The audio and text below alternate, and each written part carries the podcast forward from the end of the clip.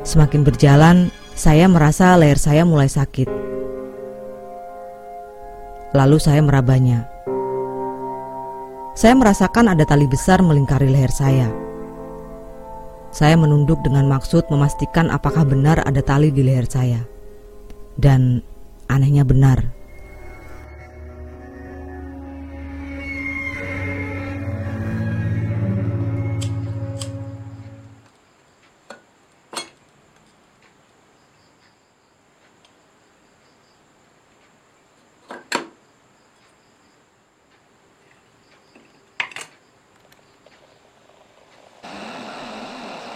Selamat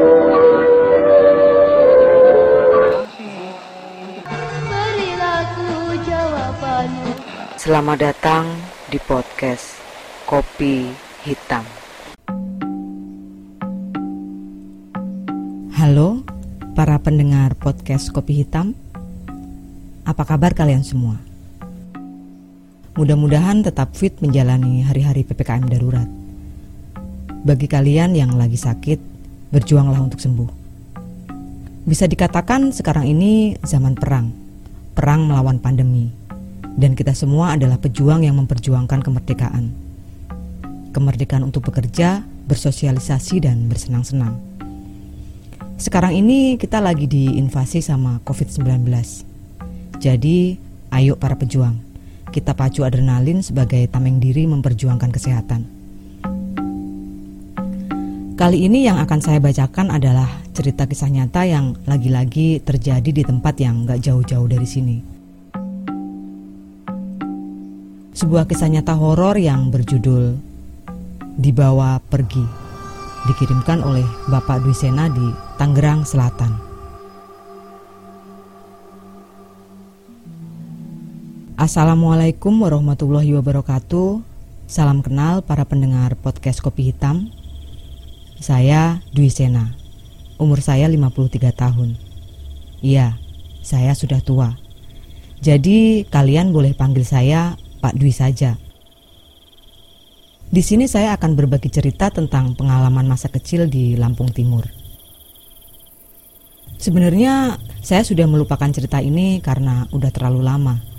Tapi sejak saya mendengarkan podcast ini yang kebetulan pemiliknya dari Lampung Timur, tiba-tiba saya jadi ingat dengan pengalaman di Lampung Timur waktu saya masih kelas 4 SD. Bisa dibilang saya adalah anak broken home dari kecil. Saya akhirnya menjadi anak pertama di keluarga sejak kakak saya meninggal terkena wabah muntaber saat usia saya satu tahun. Lalu saat usia saya tiga tahun, ibu saya masuk penjara. Ibu saya bukan seorang kriminal. Beliau cuma seorang guru TK yang hanya kebetulan tertimpa sial di zaman Orde Baru. Yayasan tempat ibu saya mengajar dianggap sebagai salah satu organisasi yang berhubungan dengan sebuah partai yang pernah memberontak. Setelah ibu di penjara, bapak menikah lagi. Kemudian saya diurus oleh ibu saya yang baru. Saya memanggilnya Mama. Tiga tahun kemudian, ibu saya keluar dari penjara. Lalu beliau juga menikah lagi. Setelah ibu menikah lagi, bapak mulai sering menawari saya untuk ikut ibu. Akhirnya di usia 10 tahun, saya mengiyakan tawaran bapak untuk diantar ke tempat tinggal ibu. Singkat cerita, saya diantar bapak ke tempat tinggal ibu di Lampung Tengah. Setelah pemekaran wilayah, daerah itu sekarang masuk wilayah Lampung Timur. Sejak hari itu, saya ikut ibu dan bapak tiri saya. Saya menyebutnya ayah, supaya tidak tertukar dengan panggilan kepada bapak kandung saya. Berbeda dengan bapak dan mama di Rawajitu, ibu dan ayah adalah orang-orang yang sangat memperhatikan pendidikan. Ayah saya walaupun seorang petani, tapi beliau lulusan SMA. Untuk orang setua itu, lulusan SMA tentu saja itu luar biasa. Ayah menyekolahkan saya dengan serius, memperhatikan semua kebutuhan sekolah saya. Bagi saya, itu sesuatu yang baru. Karena waktu tinggal bersama bapak di Rawajitu, jangankan memperhatikan sekolah saya.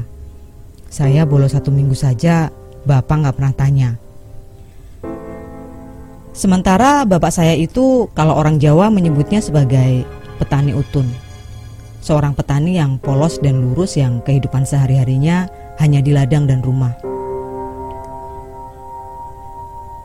Berbeda dengan bapak, kalau ayah, ayah aktif dalam berbagai kegiatan di dusun. Beliau juga menjadi ketua kelompok tani di desa tempat tinggalnya.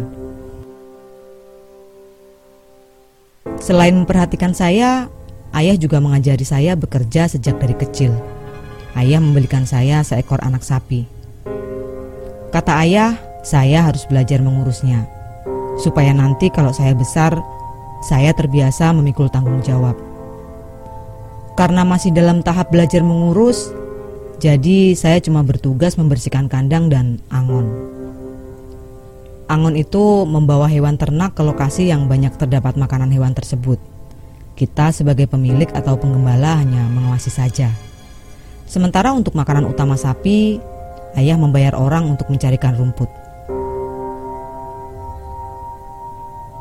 Suatu ketika, ayah berkesempatan mengikuti program pelatihan pertanian di negara Thailand mewakili kelompok tani selama satu minggu. Sebelum berangkat, ayah banyak memberikan pesan-pesan kepada saya. Karena saat itu saya laki-laki paling tua di rumah. Kedua adik saya saat itu masih balita tidak lupa ayah juga berpesan supaya mengurus sapi dengan sebaik-baiknya. Hari-hari berjalan lancar sesuai dengan arahan ayah. Setelah mengandangkan sapi, setiap sore tugas saya adalah menutup jendela. Lalu saat malam mengecek semua pintu keluar apakah sudah terkunci dengan baik atau belum. Tiba di hari ketujuh, saat seharusnya keesokan hari ayah pulang, ada sebuah kejadian yang luar biasa yang menimpa saya. Biasanya di jam 4 sore, saya menjemput sapi di ladang untuk dikandangkan. Tapi di hari itu, karena keasikan bermain perang-perangan bersama teman sepermainan, saya lupa mengambil sapi di ladang. Saat saya pulang di jam 5 sore, ibu menanyakan apakah sapinya sudah dikandang atau belum. Saya baru ingat sapi saya masih ada di ladang. Ibu mulai mengomel. Sebelum omelan ibu menjadi panjang dan lebar, saya segera berangkat menjemput sapi tersebut. Jarak antara rumah dan ladang sekitar satu kilometer. Jadi saat sampai di tempat saya menambatkan sapi, langit mulai menguning. Suasana di ladang saat itu sangat sepi. Saya bergegas mendekati pancang tempat saya mengikat sapi tersebut. Tapi begitu tali tersebut saya lepas, sapi mulai bersikap aneh. Dia melompat-lompat dan memberontak sambil mengeluarkan suara. Saya berusaha keras mencoba menariknya. Tapi sapi tersebut semakin liar. Saya mulai panik karena belum pernah menghadapi sapi yang berperilaku seperti itu. Saat itu langit mulai remang-remang. Tubuh kecil saya mulai dipermainkan oleh gerakan liar sapi tersebut. Lalu tiba-tiba dari belakang ada seseorang yang berkata, Kini le, tak wangi. Saya kaget dan menoleh ke belakang. Di belakang saya berdiri seorang bapak-bapak seumuran ayah saya memakai kemeja lusuh berwarna putih dan bercelana komprang dengan rambut agak gondrong dan sebagian sudah beruban tanpa alas kaki. Karena kondisi hari mulai petang, saya tidak bisa melihat wajahnya dengan jelas. Tanpa menunggu jawaban dari saya, bapak itu mengambil alih tali kekang di tangan saya. Tiba-tiba, sapi tersebut berhenti memberontak dan mendadak diam seperti gambar video yang dipause. Lalu tali kekang itu dia kembalikan ke tangan saya. Saya merasa bingung dan takjub dengan kemampuannya mengendalikan sapi itu. Lalu secara ajaib, tanpa saya perintah, Sapi itu berjalan mendahului saya menuju arah pulang. Saya menoleh ke arah bapak tersebut bermaksud mengucapkan terima kasih. Tapi ternyata tidak ada siapa-siapa di sana. Saya merasa aneh dan ketakutan. Akhirnya, saya mengikuti sapi saya menuju arah pulang. Perjalanan pulang itu terasa aneh. Seringkali saya merasa terseret oleh jalannya sapi yang menurut saya terlalu cepat. Jadi, sepertinya bukan saya yang menuntun sapi, tapi sapi yang menuntun saya. Selain itu, entah kenapa langkah kaki saya terasa lambat dan seperti slow motion. Dan nyatanya, saat hari sudah benar-benar gelap, saya belum juga sampai rumah. Semakin lama berjalan, perasaan saya semakin tidak karuan. Antara takut dan heran jadi satu. Saya lihat sekeliling saya semuanya gelap. Rumah-rumah yang biasa saya lewati tidak ada satupun yang terlihat. Saya merasakan ketakutan dan keheranan yang bersamaan. Sapi di depan saya juga tidak lagi seperti sapi. Lebih mirip makhluk berkaki dua berbulu dan berwarna hitam. Sejak dari mana berubahnya, saya nggak tahu. Semakin berjalan, saya merasa leher saya mulai sakit. Lalu saya merabanya. Saya merasakan ada tali besar melingkari leher saya.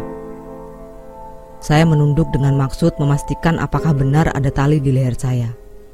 Dan anehnya benar. Ternyata bukan saya yang sedang menuntun sapi, tapi leher saya yang ditarik oleh tali kekang yang dipegang oleh makhluk berbulu di depan saya. Saat itu, tiba-tiba saya mendadak tersadar. Lalu saya berteriak sekencang-kencangnya memanggil nama ibu dan ayah karena ketakutan setengah mati. Bersamaan dengan itu, ada cahaya sangat terang dari arah depan menyilaukan pandangan saya. Lalu terdengar suara klakson mobil yang bernada panjang, disusul suara orang-orang berteriak. Ada yang beristighfar, ada yang menjerit, ada suara laki-laki yang memaki dengan bahasa Batak. Ada juga suara ibu-ibu yang mengomel dalam bahasa Jawa. Setelah cahaya menyilaukan itu hilang, saya sudah berada di pinggir jalan raya dengan posisi berdiri. Di sekeliling saya ada banyak orang. Mereka mengerumuni saya. Tentu saja saya kebingungan setengah mati. Lalu beberapa pemuda menuntun saya dan mendudukan saya di sebuah warung kopi di pinggir jalan. Seorang ibu memberi saya minum teh hangat. Sepertinya dia pemilik warung. Kamu mau mati ya? Jalan itu di pinggir, jangan ke tengah. Kalau keserempet, kita semua yang susah ucap salah seorang laki-laki di situ. Rupanya dia sopir dari mobil bus yang lampunya mengenai mata saya. Mobil tersebut hampir menabrak saya. Namanya siapa, Dek? Tanya salah satu dari mereka. Dwi, jawab saya lemah. Kamu dari mana mau ke mana? Tanya salah satu pemuda yang menuntun saya. Saya dari Lampung Tengah, Pak. Jawab saya. Ini juga Lampung Tengah. Lampung Tengah itu luas.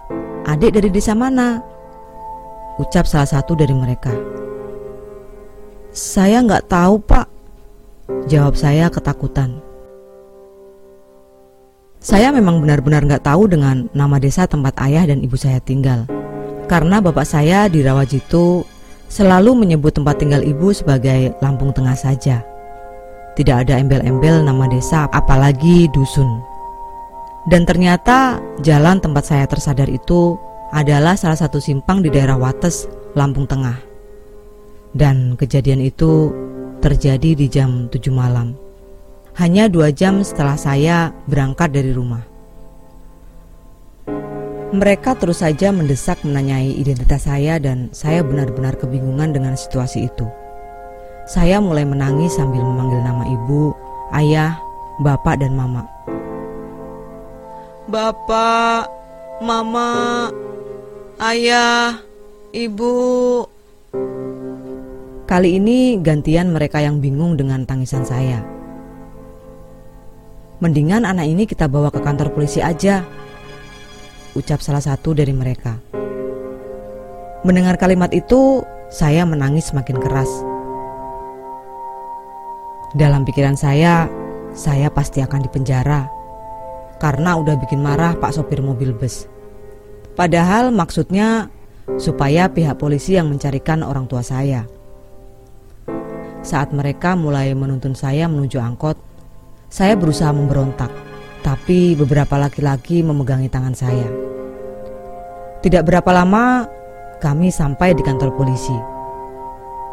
Orang-orang tersebut menyerahkan saya kepada polisi dengan tujuan polisi bisa mengembalikan saya kepada orang tua saya. Di dalam kantor polisi, seorang polisi berumur 50-an menanyai saya dengan sabar. Siapa nama saya, anak siapa, dari mana dan mau ke mana. Sayangnya jawaban saya masih sama dengan yang saya katakan waktu di dalam warung di Simpang Wates. Tentu saja mereka tidak puas dengan jawaban saya. Lalu bapak polisi tersebut meminta saya bercerita tentang apa saja, sekolah, teman bermain, dan sebagainya. Ketegangan saya mulai berkurang. Dari obrolan santai itu, dengan tidak sengaja, saya menyebutkan nama bapak, mama, dan tempat tinggal saya. Sarjono, Samiah, Desa Pidada, Rawajitu, tulang bawang. Rupanya mereka bersusah payah mencari tahu alamat saya supaya bisa mengantarkan saya pulang. Singkat cerita, malam itu juga saya diantar ke rumah bapak dan mama di Pidada Rawajitu. Dan itu lumayan jauh dari tempat saya ditemukan. Perjalanan hampir lima jam dari Lampung Tengah. Bapak dan mama saya kaget melihat saya pulang dengan diantar mobil polisi. Lalu para polisi yang berjumlah tiga orang itu menjelaskan kronologi ditemukannya saya. Lalu bapak menanyakan kenapa saya bisa sampai di Simpang Wates. Saya pun menceritakan kejadian yang saya alami. Semua orang yang ada di situ kaget. Bapak bilang saya baru saja mengalami yang namanya diculik Wewe Gombel. Kemudian para polisi itu pulang. Tidak lupa Bapak mengucapkan banyak terima kasih kepada para polisi tersebut. Keesokan harinya, Bapak dan Mama membuatkan saya among-among. Semacam syukuran kecil untuk anak-anak sekitar berupa paket nasi sekepal, telur rebus seperempat, mie kuning dan urap lalu dibungkus daun pisang. Sebagai bentuk syukur karena saya telah selamat dari Wewe Gombel. Pada hari itu juga, Bapak mengirim surat ke ibu dengan cara dititipkan ke bis jurusan tempat tinggal ibu. Isinya mengabarkan bahwa saya ada di Rawajitu dalam keadaan baik-baik saja. Bapak juga menuliskan pesan supaya ayah dan ibu menjemput saya ke Rawajitu. Setelah ditunggu berhari-hari, ayah tidak juga menjemput saya.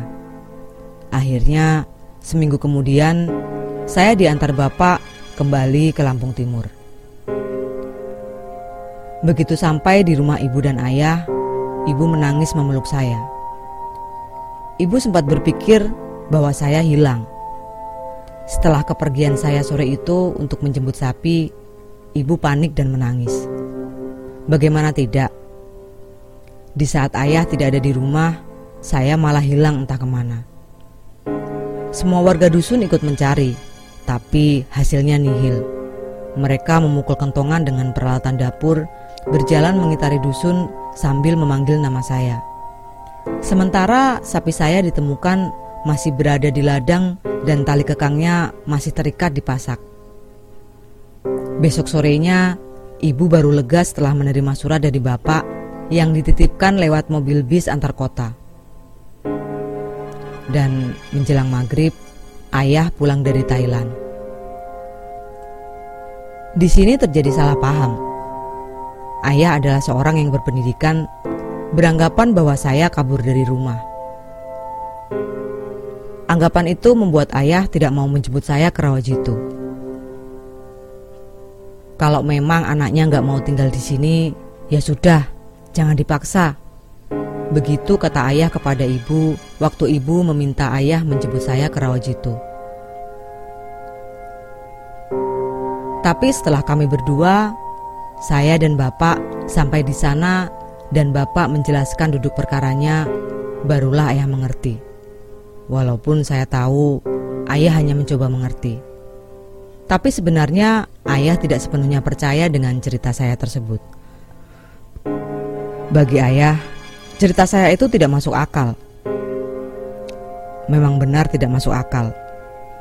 Bagaimana mungkin saya berjalan dari Wajepara, Lampung Timur menuju Simpang Wates hanya dalam waktu dua jam? Naik bis juga tidak mungkin. Karena di tahun itu bis jurusan ke arah sana hanya ada di waktu pagi dari jam 7 sampai 9. Sementara jam 4 sampai jam 6 sore adalah jam bis jurusan tersebut berbalik arah. Orang-orang yang menemukan saya di Simpang Wates juga berkata bahwa saya terlihat berjalan sendirian dengan tatapan mata kosong. Hanya berjalan, bukan berlari. Kalaupun berlari, saya pasti pingsan berlari selama dua jam. Tapi itulah yang terjadi saat itu dan benar-benar saya alami.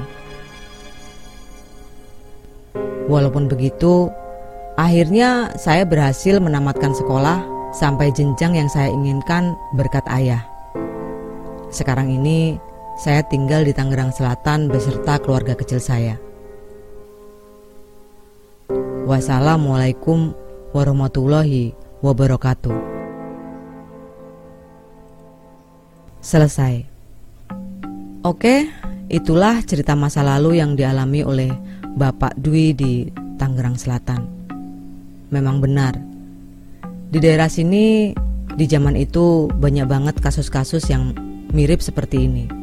Diculik kalung wewe. Tapi hampir selalu dikembalikan di tempat-tempat yang tidak biasa. Saya jadi penasaran, apa motif mereka menculik anak-anak tersebut? Sekedar obat gabut atau ada misi tertentu? Menanam chip misalnya? Tapi apa pun itu, bersyukurlah kasus-kasus yang terjadi tidak memakan korban nyawa. Ya sudah, nggak akan saya panjang-panjangin lagi omongan soal nyawa. Langsung jadi ingat sama yang sedang kita hadapi sekarang. Pokoknya yang penting terus jaga prokes dan tingkatkan imun tubuh. Oh iya, jangan lupa bantu share, kasih tahu teman atau tante atau pacar kalian untuk menjadi pendengar podcast ini ya. Saya Sari, sampai jumpa di cerita selanjutnya.